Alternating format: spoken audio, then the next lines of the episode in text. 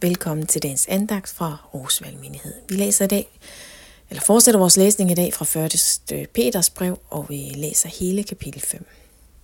Der står sådan her. Jeres ældste formaner jeg, som medældste og som vidne om Kristi lidelse, og som den, der har del i den herlighed, som skal åbenbares. Vær hyrder for Guds jord hos jer.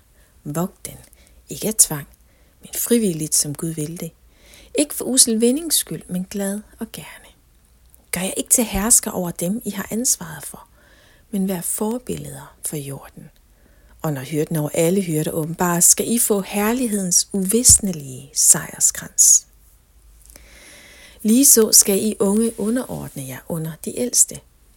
Ja, I skal alle være klædt i ydmyghed over for hinanden. For Gud står de hårdmodige imod. De ydmyge viser han noget. Ydmyg jer derfor under Guds stærke hånd, så vil han ophøje jer, når tiden kommer. Og kast al jeres bekymring på ham, for han har omsorg for jer. Vær overvågne og på vagt. Jeres modstander, djævlen, går rundt som en brølende løve og leder efter nogen at sluge. Stå ham imod, fast i troen. I ved jo, at de samme lidelser rammer jeres brødre her i verden. Og når I må lide her en kort tid, ved alt nådens Gud, som har kaldet jer til sin evige herlighed ved Kristus Jesus, selv udruste, støtte, styrke, grundfæste her. Magten er i hans. Magten er hans i al evighed. Amen. Med bistand fra Silvanus, som jeg regner for en pålidelig bror, har jeg nu i korthed beskrevet, skrevet for at opmuntre jer og bevidne, at dette er Guds sande nåde. Den skal I holde fast ved. Jeres udvalgte søster i Babylon og min søn Markus hilser jer. Hils hinanden med kærligt kys. Fred være med jer alle, som er i Kristus. Amen. Det var kapitel 5 i 1. Peters brev. Og her fortsætter Peter jo med at skrive til ledere af Guds menighed. Og han giver her nogle meget gode principper for den gode leder, for den gode leder og for god ledelse. Og det kan godt være, at du ikke lige tænker, at du står som med en titel af leder af en organisation eller af nogle mennesker, men vi har alle sammen nogen, vi leder. Det kan være i familien, eller det kan være de opgaver, der ligger foran dig, eller mennesker, du møder på, der, på din vej, som spørger dig om råd, og som du får mulighed for at lede og for at vise på vej. Og det første princip, vi lige blev givet i dag, det er det her princip med, at vi ikke skal gøre os til hersker over dem, som vi bliver betroet et ansvar for. Men vi skal derimod være det gode forbillede. Og det er jo tit sådan, at det gode forbillede, at handlinger, at de taler meget, meget højere og tydeligere, end tusind ord kan gøre. Peter fremhæver også her, at der er en hyrde over alle hyrder, og her taler han ind i menighedens sammenhæng her. Men for alle os, så gælder det jo, at selvom vi kan være hyrder i en eller anden form for andre mennesker, så gælder det jo, at vi har Jesus som vores hyrde. At vi også skal lade os lede af ham, af den gode hyrde selv. Og det er jo sådan et billede, som går igennem hele Bibelen.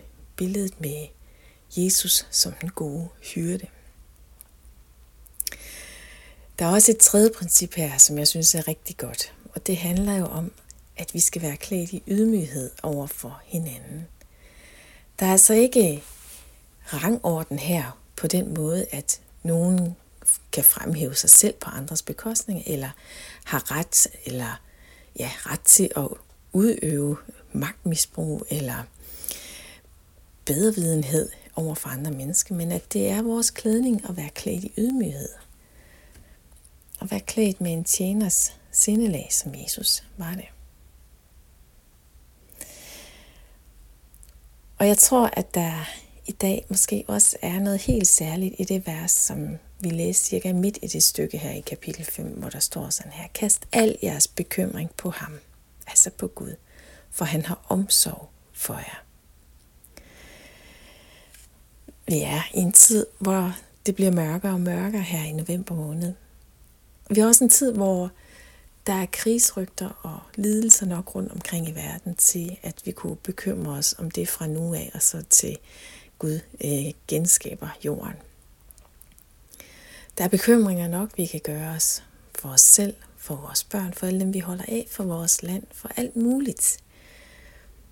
Og nogle gange så kan vi tænke måske, at vores bekymringer måske ikke løser det, men i hvert fald så får os til bedre at forstå, hvordan verden hænger sammen. Men jeg tror bare lige i dag, der er der måske lige et særligt lille pusterum til at blive opmærksom på, at vi faktisk gerne må lægge alle vores bekymringer over til Gud selv. At han har omsorg for os. At han ikke er ligeglad, og vi kan alligevel ikke lægge noget hverken til eller fra. Bekymringer er jo de tanker, der kan rumstere, uden vi dybest set kan gøre noget ved dem, og som kan blive ved med at optage os og få fokus væk fra det, som egentlig er vigtigt, og det, som egentlig er livgivende. Så jeg tror, at der udover kaldet og udover de gode takter i forhold til, hvordan vi bedst muligt leder ved os selv og lader os lede af den gode hyrde, jamen så er der i dag også lige en særlig, en særlig, særlig kald til her, hvor du lige lytter til det her ord, og kast de bekymringer, der har tumlet rundt i dit hoved nu, og kast dem over til Gud. Fordi han har faktisk omsorg for dig. Det sidste, jeg har lyst til lige at give med her fra i dag, det er noget af det sidste, vi læste her, hvor Peter understreger, at magten, magten er Guds i al evighed. Det er faktisk Gud, der får det sidste ord. Fordi det også var ham, der havde det første ord. Lad os bede sammen. Ja, himmelske far, vi takker dig for, at du både har det første ord og det sidste ord. Og vi takker dig for, at du har al magt i himlen og på jorden. Og vi vil i dag helt konkret kaste de bekymringer over til dig, som har rumsteret i vores hoveder lige fra vi slår øjnene op i morges. Og vi beder dig, at du vil tage omsorg for dem, og at du vil lade os føle letheden ved at have givet det hele til dig. Gud, det er dig, der kan gøre noget ved det, og det beder vi, at du vil gøre nu. Så beder jeg dig også, Jesus, at du vil forme os, og at vi må få en tjeners sindelag, sådan som du havde det. Vi beder os om, at du vil skabe ydmyghed i vores hjerte og i vores tilgang til vores næste. Vi befaler os i dine stærke hænder. Amen.